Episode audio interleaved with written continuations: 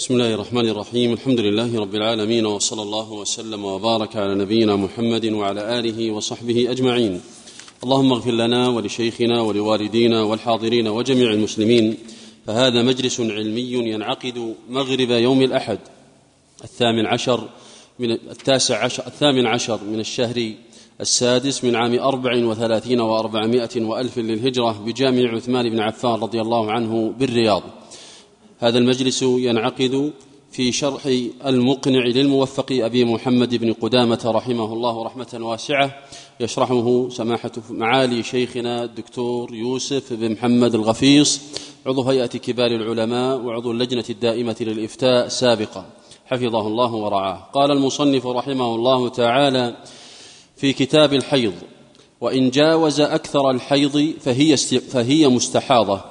فإن كان دمها متميزا بعضه ثخين أسود منتن وبعضه رقيق أحمر. عند وقفنا على فصل. وقفنا على قول المصنف رحمه الله فصل والمبتدأة. نعم. نعم الله.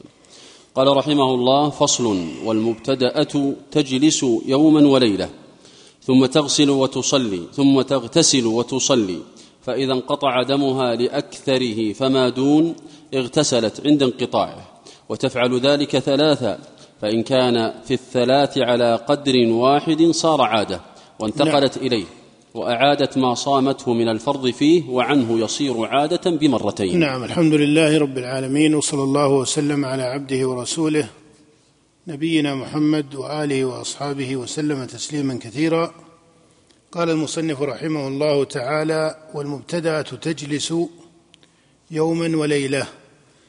ثم تغتسل وتصلي فإن انقطع دمها لأكثره فما دون اغتسلت عند انقطاعه. وتفعل ذلك ثلاثا. المبتدأة عندهم المقصود بها المرأة أول ما ترى دم الحيض. فإذا جاءها الدم في سن يصح أن يكون حيضا إذا بلغت تسع سنين على المشهور ثم جاءها الدم فإنها تعتبر به مبتدأة فيعتبر هذا دم مبتدأة. وهذه المبتدأة بين الفقهاء رحمهم الله اختلاف أو خلاف بين الفقهاء رحمهم الله خلاف في صفة أخذها لهذا الحكم. المشهور من مذهب الإمام أحمد رحمه الله أن المبتدأة تجلس يوما وليلة ثم تغتسل وتصلي ولو استمر الدم. تجلس يوما وليلة ثم تغتسل وتصلي ولو رأت الدم. فإن انقطع الدم لأكثره أي لأكثر الحيض فما دونه. وسبق معنا الخلاف بين الفقهاء في أكثر الحيض. وأن المذهب وكثير من الفقهاء يجعلون أكثره خمسة عشر يوما ويجعلون أقله يوما وليلة. فإن انقطع دمها لأكثره أي لأكثر الحيض وهو خمسة عشر يوما فما دون أي دون الخمسة عشر اغتسلت عند انقطاعه. وهذا هو الغسل الثاني في حقها. على هذا الترتيب تكون اغتسلت الغسل الثاني. ويعتبرون أن الغسل الثاني إنما وجب عليها لأنه يحتمل أنه يكون حيضا بعد الاستقرار. قال اغتسلت عند انقطاعه وتفعل ذلك ثلاثا أي في الشهر القابل إذا جاءها الدم. الشهر الثاني إذا جاءها الدم تمكث يوما وليلة لا تصلي ولا تصوم فإذا مضى يوم وليلة اغتسلت بعد مضيهما ولا تنظر إلى الدم انقطع ولا انقطع غالبا إنه لا ينقطع. هم لا يتكلمون على أنها تغتسل لتأثر حالة الدم. هم هنا لم يلتفتوا إلى أنها تأثر دمها. الأصل أن دمها على ما هو عليه على على سيلانه منها.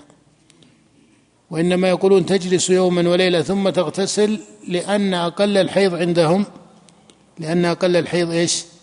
يوم وليلة. ثم تغتسل بعد ذلك وتصلي وتصوم. فإذا انقطع الدم في الشهر الثاني لأكثر الحيض فما دونه فعلت ذلك في الشهر الثالث.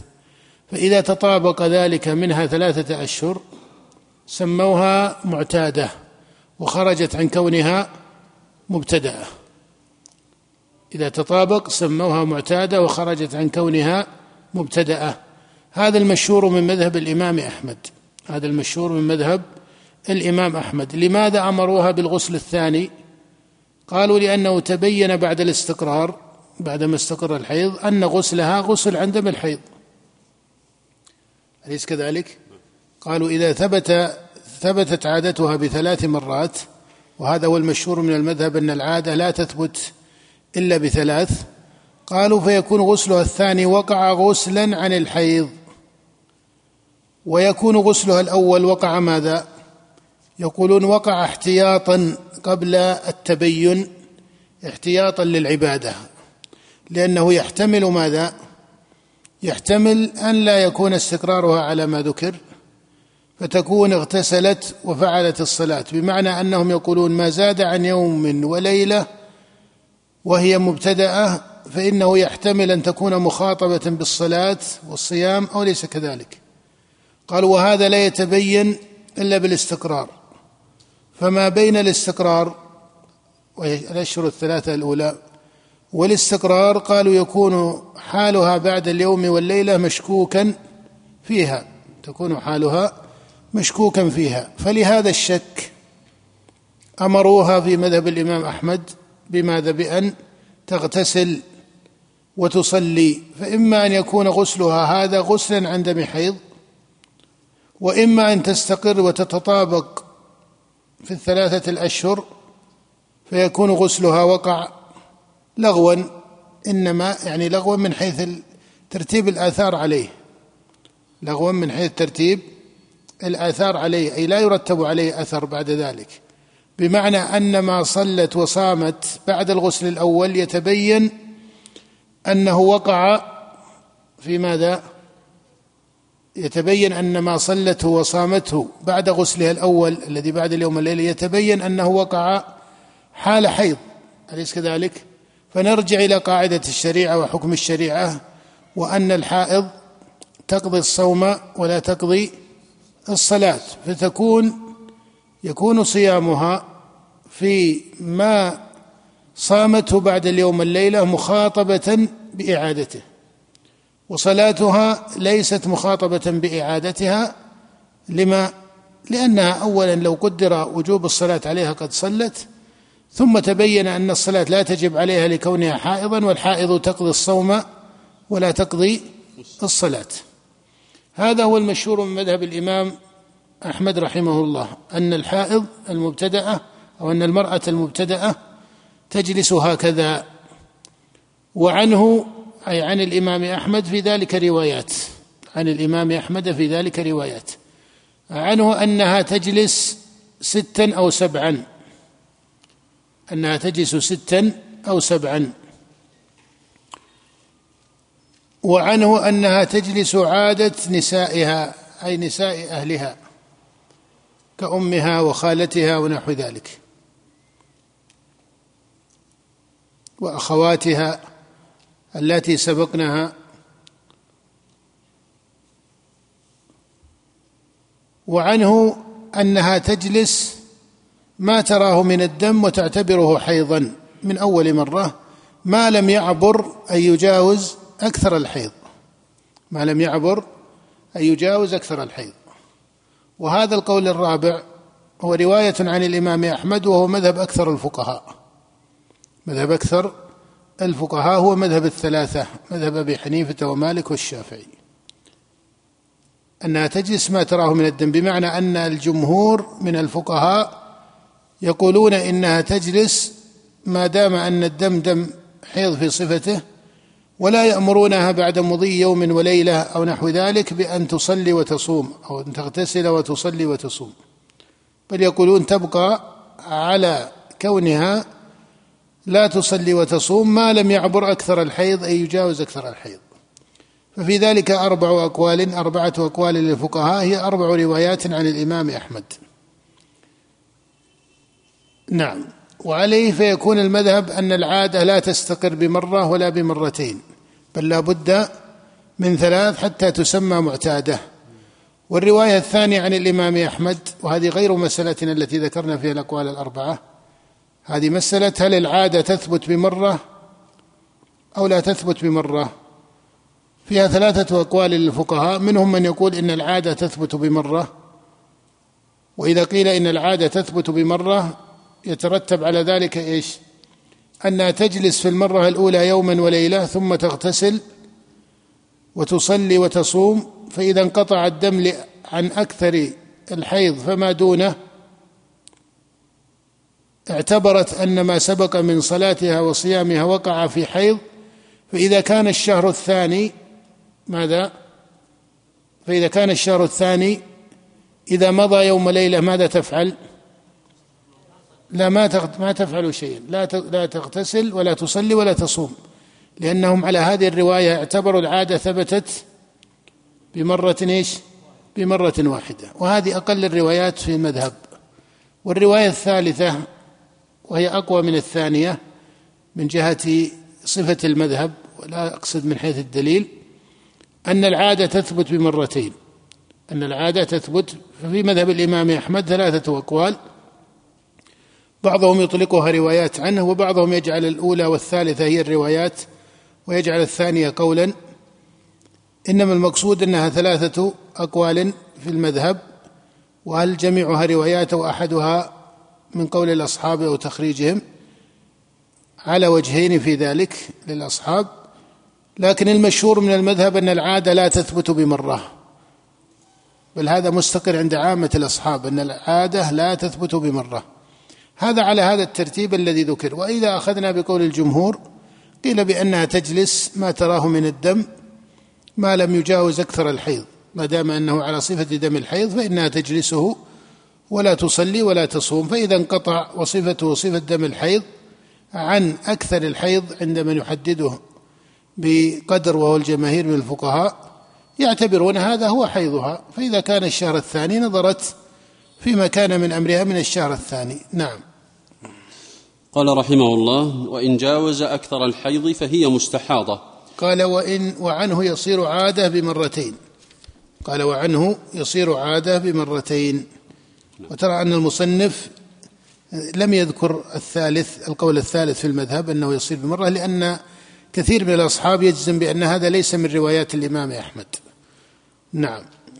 وإن جاوز أكثر الحيض فهي مستحاضة فإن كان دمها متميزا بعضه ثخين أسود منتن وبعضه رقيق أحمر فحيضه فحيضها زمن الدم الأسود وما عداه هو هو مسائل الحيض كما قال الإمام أحمد.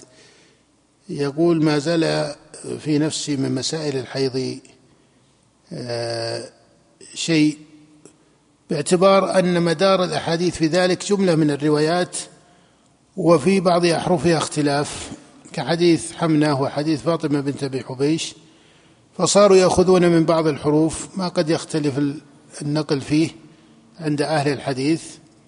وعلى هذا تفرعت هذه الأقوال. وإذا نظرت إلى الاستصحاب أو القياس في هذا من جهة ترتيب المسائل انبنى ذلك أيضا على وجه آخر أحيانا يخالف بعض هذه الدلالات التي يفهمونها يعني الفقهاء من بعض حروف الحديث. فإنهم أخذوا من قول النبي صلى الله عليه وسلم تدع الصلاة أيام أقرائها. أخذوا من الأقراء هنا أن القرء هو الحيض وأن الحيض لا يثبت فلما ذكر الشارع جمعا أيام أقرائها دل على أن العادة لا تثبت بمرة بل لا بد أن يكون ثلاثا. نعم. وإن جاوز أكثر الحيض؟ وإن جاوز أكثر الحيض فهي مستحاضة نعم. وإن جاوز أكثر الحيض على ما سبق تفصيله في المذهب فهي مستحاضة.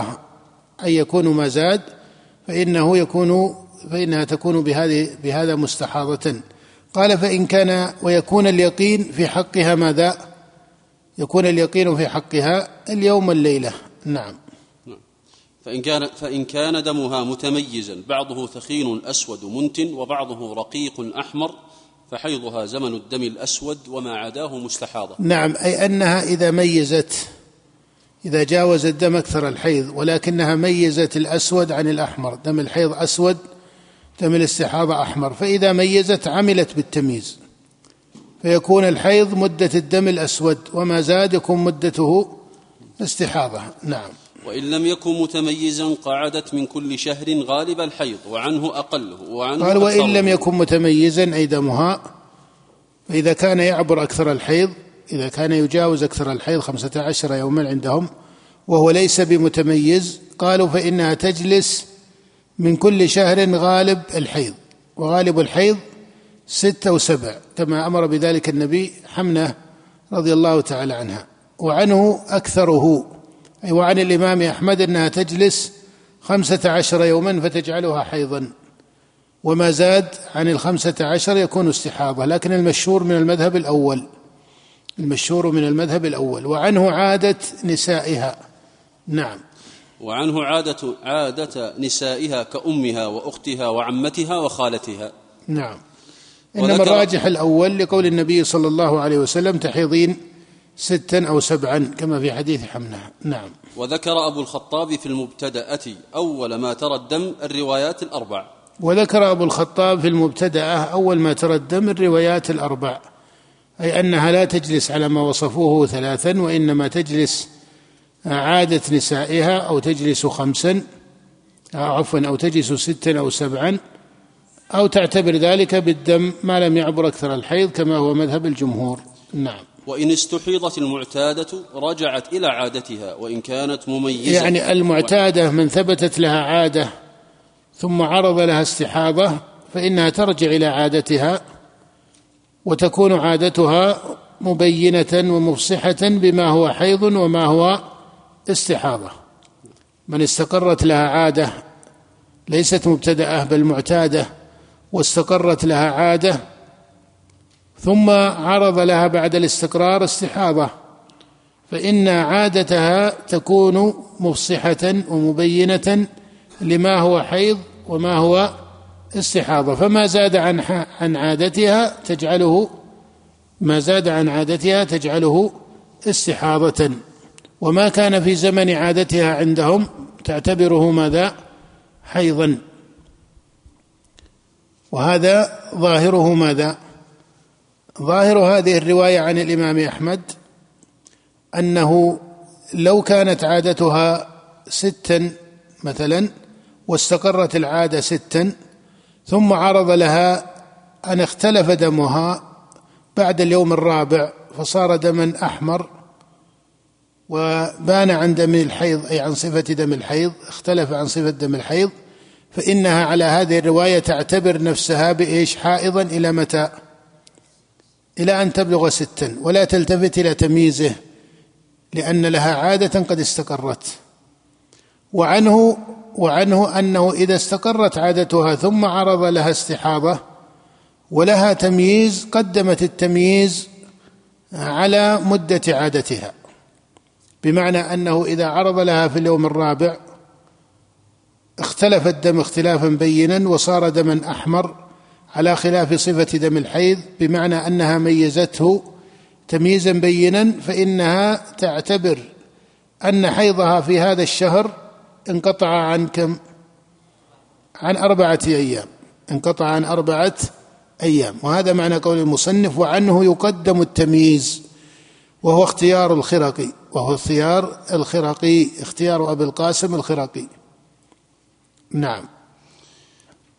وإن كانت مميزة وعنه يقدم التمييز وهو اختيار الخراقي وعنه يقدم التمييز وهو اختيار الخرقي. نعم. أما إذا كانت ليست مميزة أما إذا كانت ليست مميزة فهذا يستقر عندهم أنها تعمل بعادتها. ولكن إذا كانت مميزة ولها عادة فهل تقدم التمييز على العادة أو العادة على التمييز؟ هذا فيه روايتان مشهورتان عن الإمام أحمد. المشهور عند أكثر الأصحاب أنها تقدم العادة على التمييز وهذا الذي سموه في المذهب عند المتأخرين. وطائفة من محقق الأصحاب يقولون إنها تقدم التمييز على العادة. وهاتان الروايتان عن الإمام أحمد هما قولان مشهوران لأئمة الفقهاء. هما قولان مشهوران لأئمة الفقهاء والأظهر.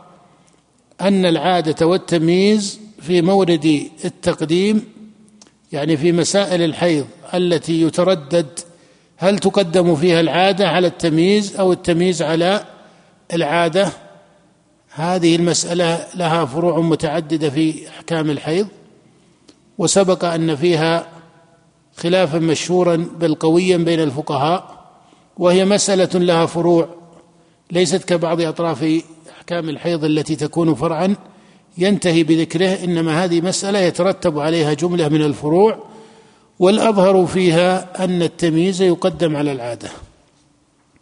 أن التمييز يقدم على العادة. ووجه ذلك كما سبق من حيث النصوص وأدلة الشارع فإن في كلام النبي صلى الله عليه وسلم ما يدل على اعتبار العادة وما يدل على اعتبار التمييز فالنصوص بينة في أن هذا وهذا من الأوصاف المعتبرة في الشرع. النصوص بينة في أن العادة والتمييز من الأوصاف المعتبرة في الشرع وهذا مستقر عند الفقهاء. إنما محل الخلاف أي الوصفين يقدم على الآخر عند التنازع بينهما. أي الوصفين يقدم على الآخر عند التنازع بينهما هذا من حيث النظر في النصوص ليس فيما يظهر لي بينا. والسبب في ذلك أن أكثر الأحاديث التي جاءت في أحكام الحيض كحديث فاطمة بنت أبي حبيش وحديث حمنة وحديث عائشة وحديث أم سلمة وهذه تكاد تكون هي جوامع الأحاديث في هذا الباب. غالبها قضايا أعيان. وتعرف أن قضايا الأعيان ليست كالأحكام التي أجراها الشارع على الخطاب العام ولهذا يقولون في القواعد بأن قضايا الأعيان لا عموم لها.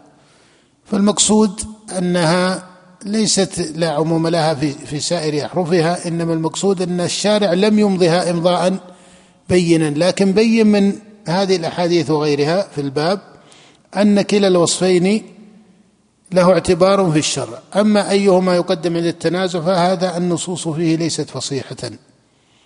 ليست ظاهرة بأحد الوجهين.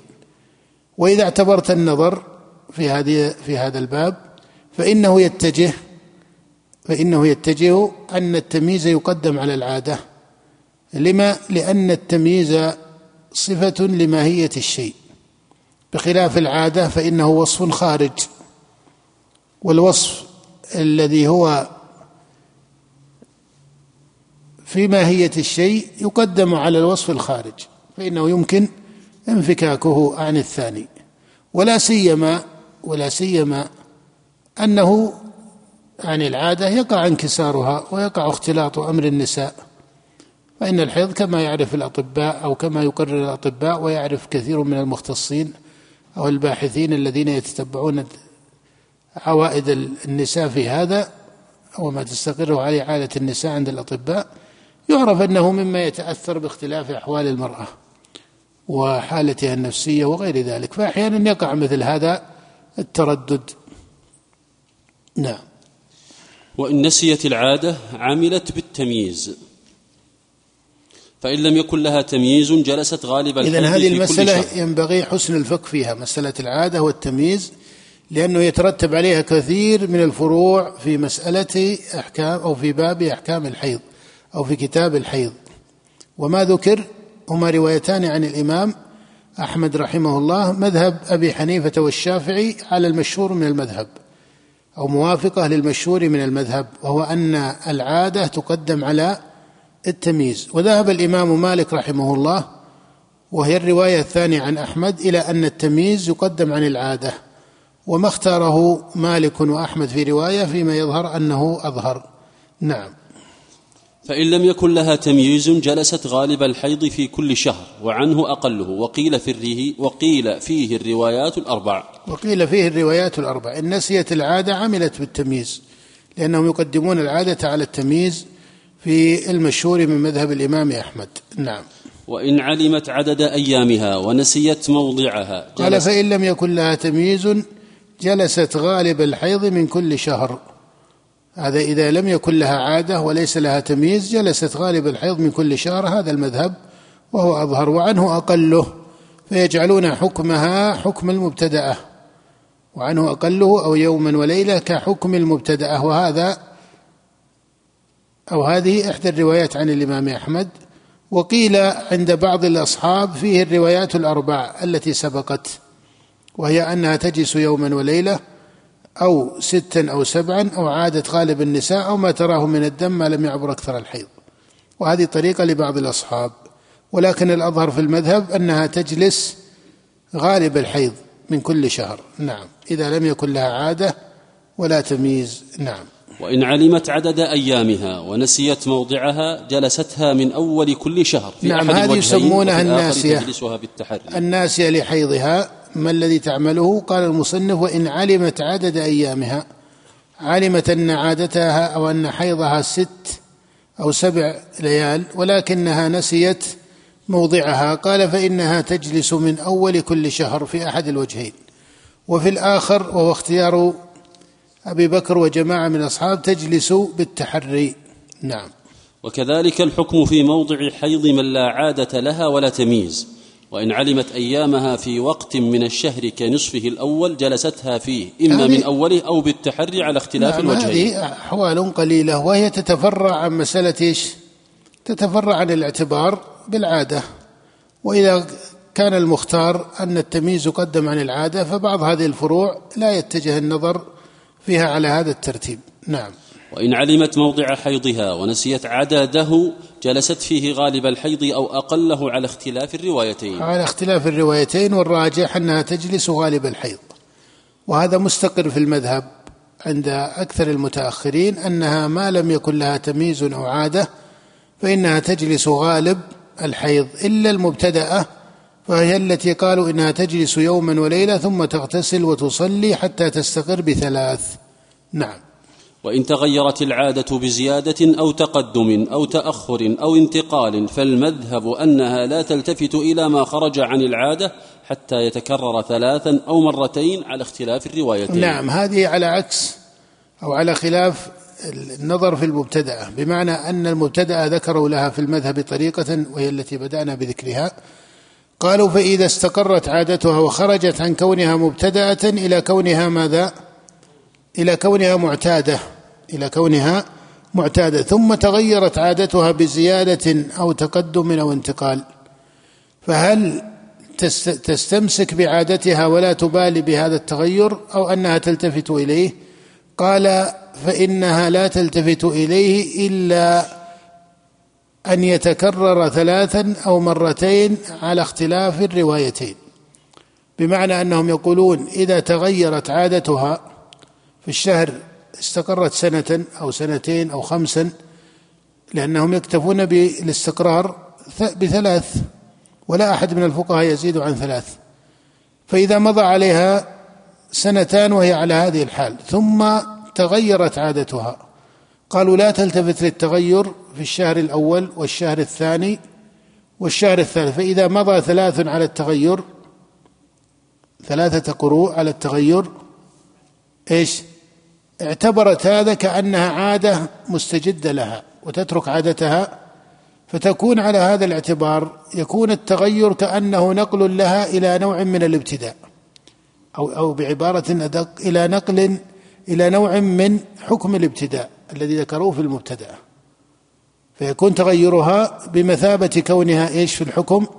مبتدأة. فعلى هذه الرواية التي يقولون فيها لا بد من ثلاث تفعل ما فعلته في الأول تفعل ما فعلته في الأول. لكن هل تفعل ما فعلته في الأول من جهة أنها تصلي وتصوم بيوم في يوم وليلة بعد غسلها؟ لا يقولون ذلك.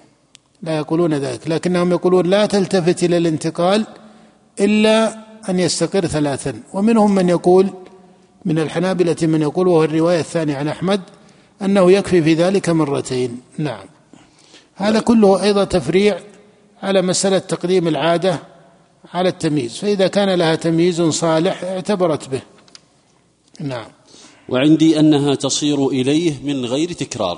قال المصنف وعندي أنها تصير إليه من غير تكرار من غير تكرار وهذا مذهب الإمام الشافعي.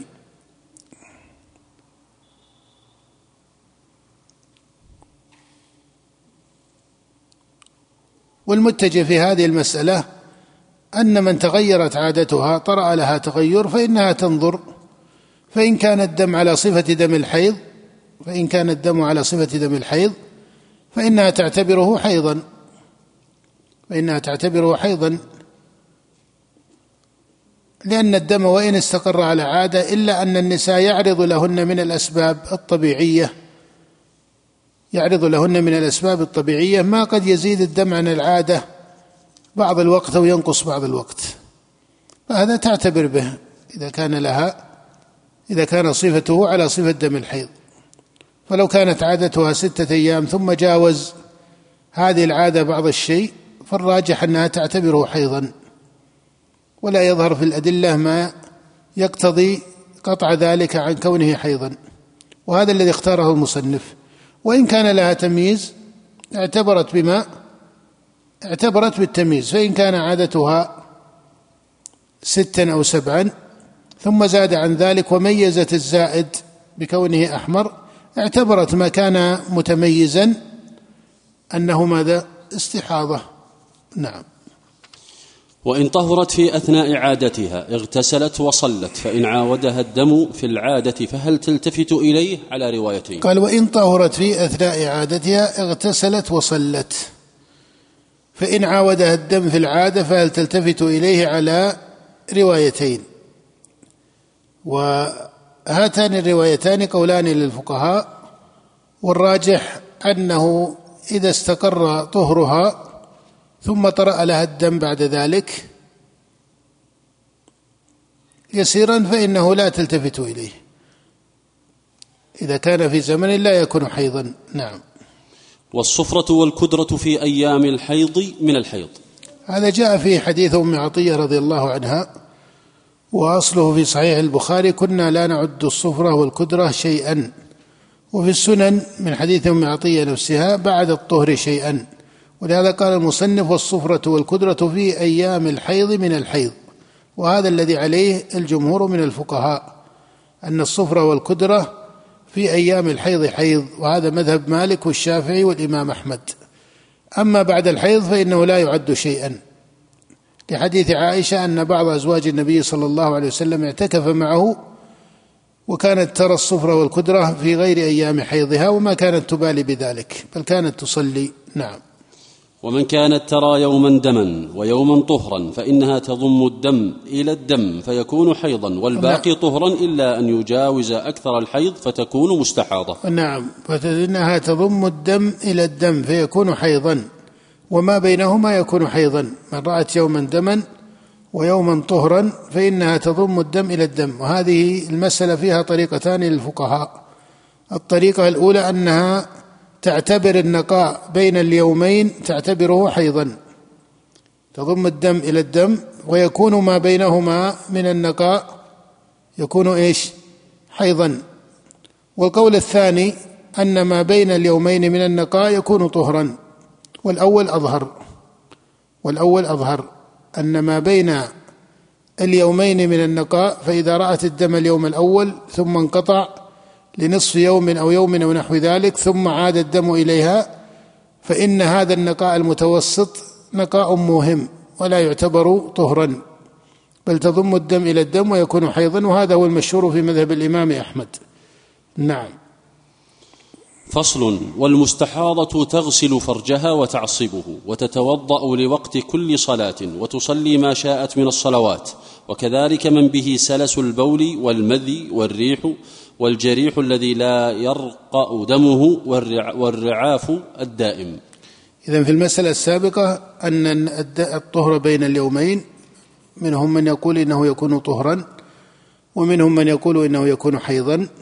وهذا يترتب على بعض الأحوال التي تعرض للمرأة. وإن كان ليس هو الغالب على النساء. وإن كان ليس هو الغالب على النساء. نعم. قال فصل. فصل والمستحاضة. قال والمستحاضة تغسل فرجها أي في أحكام المستحاضة. والمستحاضة هي المرأة التي ترى دما ليس دم الحيض. يأتيها الدم وليس بدم الحيض. وقد قال النبي صلى الله عليه وسلم لفاطمة بنت أبي حبيش كما في الصحيحين وغيرهما إنما ذلك عرق أي دم استحاضة. فإذا أقبلت حيضتك فدع الصلاة الأيام التي كنت تدعينها ثم اغتسلي وصلي. فما زاد عن ذلك فإنه استحاضة. والمستحاضة بإجماع أهل العلم يجب عليها الصوم والصلاة. يجب عليها الصوم والصلاة. لكن المصنف هنا قال تغسل فرجها وتعصبه وهذا على سبيل الوجوب أو على سبيل الاستحباب. المستحاضة تغتسل على سبيل الاستحباب وليس على سبيل الوجوب. نعم. نعم. وكذلك من به سلس البول والمذي والريح. نعم قال والمستحاضة تغسل فرجها وتعصبه. أما غسل الفرج فهذا واجب لحصول الطهر به أو الطهارة به وتتوضأ لوقت كل صلاة وهذا أيضا على سبيل الوجوب. وأما اغتسالها فهو مستحب. وتكون المستحاضة مأمورة بثلاثة أنها تغسل فرجها وهذا لازم في حقها وأنها تتوضأ لوقت كل صلاة أنها تتوضأ لوقت كل صلاة وهذا أيضا لازم في حقها. والثالث مما تؤمر به أنها تغتسل وهذا مستحب في حقها. غسل المستحاضة مستحب. غسل المستحاضة مستحب وليس بواجب. أما أنها تغسل فرجها فإن ذلك يجب عليها حتى تحصل براءتها عند طهرها من النجاسة. وتتوضأ لوقت كل صلاة. وتصلي بهذا الوضوء ما وقع في هذا الوقت. فإذا كانت تجمع بين الصلاتين كما لو كانت مسافرة فإنها تصلي به الظهر والعصر لأنه في وقت واحد وتقضي به ما فات وتصلي به النوافل ولا يلزمها إعادة الوضوء لقضاء فائتة أو جمع صلاة إلى أخرى حتى يخرج الوقت. فإذا خرج الوقت وجب عليها أن تغسل فرجها وأن تتوضأ لوقت الصلاة الثانية. وهذا القول هو المختار من أقوال الفقهاء. وفي المسألة أقوال ثلاثة هذا أحدها. والقول الثاني أنها تصلي بهذا الوضوء تصلي بهذا الوضوء ولو دخل وقت الثانية. ما لم تحدث ما لم تحدث على طارئ أو بطارئ خلاف استحاضتها.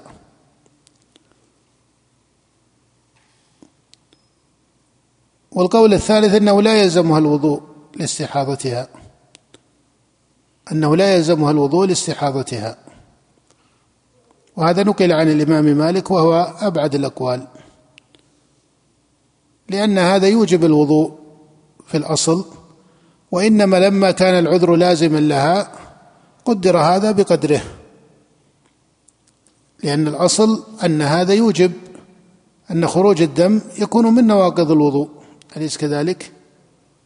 ولكنه لما كان لازما لها قدر حكمه بقدره فقيل إنه تعتبر أمرها بوقت كل صلاة أما القول بأنه تصلي به ما شاءت ولو دخل وقت الصلاة الثانية ما لم تحدث منفكا عن الاستحاضة فإن هذا فيه توسع كما ترى ويقابله القول بأنه لا يلزمها الوضوء ويقابله القول بأنه لا يلزم الوضوء فهذا أوسع منه كذلك وهو أكثر اتساعا منه.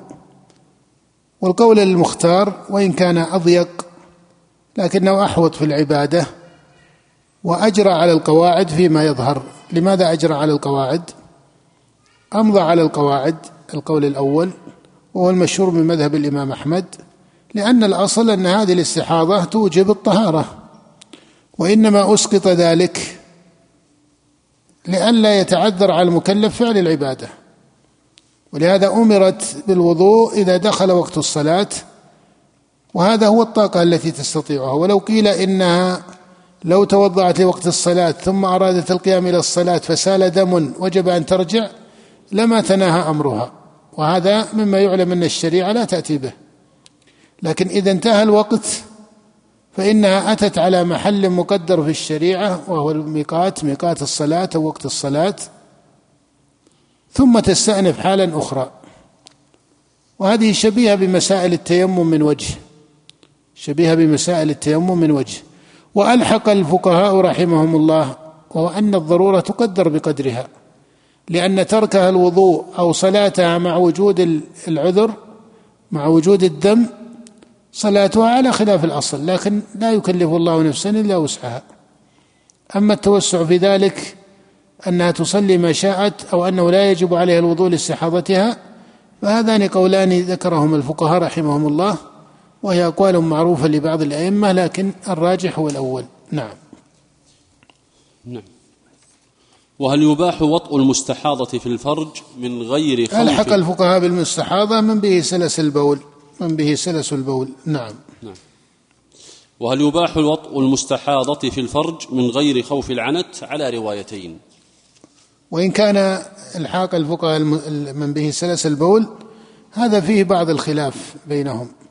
ما سبق, ما سبق ذكره في المستحاضة هو مذهب الجماهير خلافا لمالك. الذي ذكرنا أنه القول الأول هو مذهب الأئمة الثلاثة خلافا لمالك رحمه الله. أما من به سلس البول فهذا كثير من الفقهاء يجعلون حكمه حكم المستحاضة وهذا أظهر. أن من به سلس البول حكمه حكم المستحاضة. ولكن ينبه إلى هذا في مسألة من به سلس البول وهو ينتاب ربما الرجال أكثر من النساء أحيانا. إلى إلى إلى أمرين الأمر الأول أن يكون هذا على سبيل التحقق وليس على ما يعرض وسواسا لكثير من الناس ولبعض الناس. فإن الوسواس هنا لا يلتفت إليه. وأحيانا بعض الناس يقول إن عنده سلس بول وهو موسوس ليس كذلك. الوجه الثاني إذا كان بريئا من الوسواس وهو التنبيه الثاني إذا كان بريئا من الوسواس فبعض الناس يقع منه توسع في دعوى أن به سلس إيش؟ بول.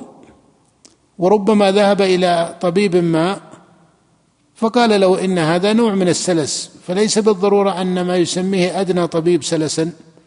يلزم أن ينطبق عليه كلام الفقهاء في من به سلس البول. بمعنى أن البعض قد يتوسع أحيانا فيسمي نفسه يعاني من سلس البول فيرتب حكم الحكم الفقهي الذي يذكره الفقهاء أنه كالمستحاضة فماذا يفعل؟ إذا دخل الوقت توضأ ثم يعلم أنه عرض له شيء من البول فما يباليه؟ فإذا قلت له لماذا؟ قال إن الطبيب قال له أنت عندك شيء من السلس. وبعضهم قد يلقن الطبيب الكلمة والطبيب قالها لا على سبيل لا على سبيل الحقيقة العلمية لأن غالبا الأطباء يتعاملون مع المرضى باعتبارهم عامة في الطب. بمعنى لو كان يتكلم مع طبيب مثله ما حدثه بنفس المصطلح. قد يكون تهاونا من الطبيب قد يكون تجوزا في المصطلح عندهم قد يكون آه، خطأ من الطبيب. كل هذه أمور محتملة. إذا لا يقول إن الطبيب قال لي ذلك وأحيانا بعضهم يقول لا أنا سألت الطبيب فقلت هو سلس؟ قال سلس. أحيانا بعضهم يقول سلس. لا يعرف أبعاد هذه الكلمة وهل, كلامها أو صفتها الطبية مثل صفتها الفقهية أو لا. الفقهاء ما يريدون كل ما يصطلح عليه الأطباء أنه سلس. أرأيت لو اصطلح الأطباء على أن أدنى تكرر يسمونه سلس من الدرجة الخامسة. أنت تعرف عندهم في الأشياء الطبية يقولون هذا كذا من الدرجة الأولى من الدرجة الثانية أحيانا يسمون أدنى ذلك لو سموه سلسا من الدرجة الثالثة مثلا. هل مجرد أن أن الطب أو أن مصطلحا طبيا سمى ذلك سلسا أن نعطيه الحكم الشرعي الذي ذكره الفقهاء؟ الجواب لا. الحكم الفقهي مرتبط أن من به سلس أعطي حكم الاستحاضة إذا كان على صفة المستحاضة. في ماذا؟ في أنه لا يستطيع دفعه. وهو مستمر معه. فإذا كان ملازما له لا يستطيع دفعه وهو مستمر معه سمي سلسا على المقصود الفقهي سواء سماه الأطباء أو لم يسمه. الأطباء كذلك زادوا فيه أو نقصوا فهو معتبر بهذه الصفة. أما من يكون عنده بالفعل يعرض له شيء من ذلك في فترة لسبب أو لآخر. ثم يقول إنه يعاني من هذا وهذا سلس. لا هذا يجب عليه أن إذا توضأ ثم خرج منه شيء من البول يجب عليه ماذا؟ أن يعيد الوضوء ولو أعاده في الوقت ثلاث مرات. وترى بعض الناس أحيانا بعض طلاب العلم يفتون على سبيل يعني الفتوى الذوقية هذه هذه مشكلة. يقول لا هذا لا يكلف الله نفسا إلا وسعها ما عليه شيء لا يلزمه شيء. كيف لا يكلف الله نفسا إلا وسعها؟ تنزل هذه الآية على مثل هذه الحال. هذا هذا وسعه. الله يقول لا يكلف الله نفسا إلا وسعها وهذا إيش؟ هذا لا يزال في وسعه. من هو الذي ليس في وسعه؟ المعذور. هذا ليس معذورا. ما لزمته هذه الحال؟ أرأيت لو أن إنسانا أحدث بغير البول أكل فصار ينتابه شيء من ذلك أو حدث آخر من الأحداث. فإذا تكرر عنده أو لزمه في بعض العلة أحيانا بعض الإنسان يصاب لعلة. فيزيد عليه. أو أحيانا بعض الناس مع الخوف أو مع الرهق أو مع بعض الأمراض يصير عنده شيء من ذلك. فهل إذا عرض له ذلك قيل هذا سلس وأن تتوضأ لا. السلس حالة شبيهة بحال المستحاضة من جهة اللزوم وعدم الانفكاك. فإذا المقصود أنه لا يصح التوسع في دعوى سلس البول لإسقاط الوضوء والطهارة منه باعتبار أنه فعل ذلك أول وقت. نعم. وهل يباح وطء المستحاضة في الفرج من غير خوف العنت على روايتين؟ نعم على روايتين عن الإمام أحمد وهما قولان الفقهاء نقف للأذان ونستكمل. أن كنا نريد أن نبدأ بكتاب الصلاة لكن يعتقد أنه لا يتسع ذلك. على أقل الأحوال بعد الأذان سنستكمل إلى أحكام النفاس نهايتها حتى الأسبوع القادم إن شاء الله نبدأ بكتاب الصلاة. نعم. إذا قال المصنف هل يباح وطء المستحاضة في الفرج من غير خوف العنت على روايتين؟ والجمهور من الفقهاء على أنه يباح وطئها أن المستحاضة يباح وطئها لما جاء في حديث حمنة أن زوجها كان يغشاها وهو مستحاضة. أن زوجها كان يغشاها وهي مستحاضة. والرواية الثانية عن الإمام أحمد أن ذلك يكره في حقه أو يمنع منه إلا أن يخاف العنت. نعم. قال رحمه الله فصل وأكثر النفاس أربعون يوما ولا نعم. حد لأقله. وأكثر النفاس أربعون يوما النفاس الدم الذي يتصل بالولادة عند المرأة وهو معروف عند عامة النساء أن المرأة يتصل بها الدم عند ولادتها وهذا يسمى دم النفاس. وأكثره عند جمهور الفقهاء أربعون يوما وهذا مذهب الإمام أحمد عملا منهم بما جاء في حديث عائشة كانت النفساء تجلس على عهد النبي صلى الله عليه وسلم أربعين يوما. وقال مالك والشافعي إن النفاس أكثره ستون يوما. وقال طائفة من الفقهاء إنه لا حد لأكثره ما لم يفحش فحشا بينا فإنه يكون دم دم فساد لا يكون نفاسا. وهذا الذي اختاره طائفة من الفقهاء منهم الإمام ابن تيمية رحمه الله. والأظهر ما ذهب إليه الحنابلة في هذه المسألة لأن هذا هو العدم الذي تجري به عادة النساء.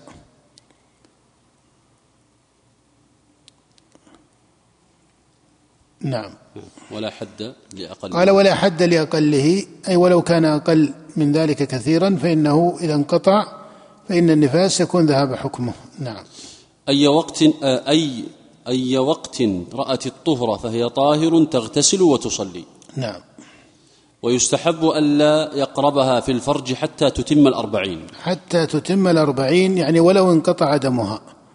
ويستحب ألا يقربها. هذا الاستحباب مقصود به أنه إذا انقطع دمها قبل الأربعين يستحب ألا يقربها قبل الأربعين. نص عليه الإمام أحمد رحمه الله. نعم. وإذا انقطع دمها في مدة الأربعين ثم عاد فيها فهو نفاس وعنه أنه مشكوك مشكوك فيه تصوم وتصلي وتقضي الصوم المفروض. وهذا أظهر. الثاني أحوط للعبادة. الثاني أحوط للعبادة أنها تصلي وتصوم إذا انقطع الدم قبل الأربعين ثم عاد أثناء الأربعين فإنها تصلي وتصوم ولا يقربها زوجها.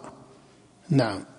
وإن ولدت توأمين فأول النفاس من الولد وآخره منه وعنه أنه من الأخير والأول أصح. وهذا كما تعرف لا يكون بينهما فرق يذكر. لا يكون بينهما فرق يذكر إنما الفقهاء دققوا على هذه المسألة. وذكروا فيها القولين وعن الإمام أحمد فيها روايتين والمختار عندهم الأولى أنه يكون من الأول أن الاعتبار بالأول وليس بالثاني. نعم. أحسن الله عليك. انتهينا. نعم نقف على هذا وبالله التوفيق وصلى الله وسلم على عبده ورسول نبينا محمد. نقرأ بعض الآيات. نعم شيخ. أحسن الله عليك. هذا سؤال. نعم. هذا يسأل يقول هل المقصود بقول الفقهاء المعتادة أنها من لها عادة مستقرة من أيام معروفة خلال الشهر من أوله أو من وسطه أو من آخره أم المقصود عدد الأيام فقط؟ أن إن حيضها ستة أيام أو أكثر سواء من أول الشهر أو آخره. نعم حسب السياق حسب سياق المسألة. معتادة أحيانا يقصدون بها في مقابل المبتدأة وأحيانا يقصدون بها المعتادة من استقرت عادتها. نعم.